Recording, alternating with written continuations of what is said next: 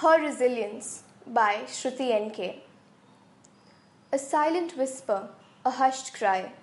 Mother held her child as she watched the world whiz by. Time was surely a thief, she thought. Looking at her whimpering child, she knew that this was true without a doubt. Smiles of warmth and comfort were given, but yet she felt so cold from within. Why does this happen? Do others even care? Surely they must all know that life wasn't fair. It had been the bitter truth all along. The brave and the valiant seldom live that long. From the corner of her eye, she viewed a hand and stood up slowly, straightening her wedding band.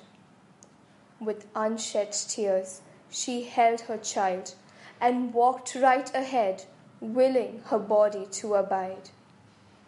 A hushed silence fell across the room as the beautiful bride went to greet her groom. In her hand she held a bouquet of flowers and walked down the aisle.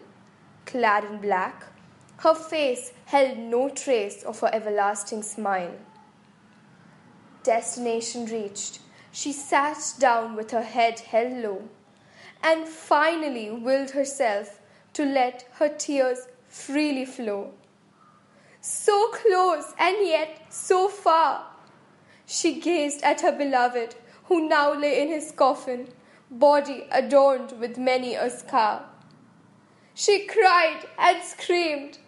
Death, death, death had now done them apart, leaving behind a gaping hole in her heart.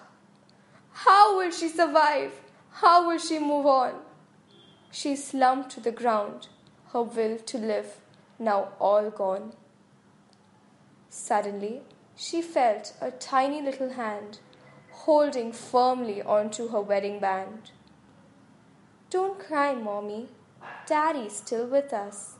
In heart and soul, he will never, ever leave us.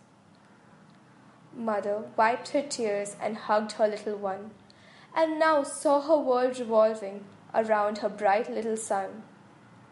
She turned around and placed a kiss on her love's head, knowing finally how she would move on ahead. She walked back with her head held high, holding her little one nearby, holding her little one nearby.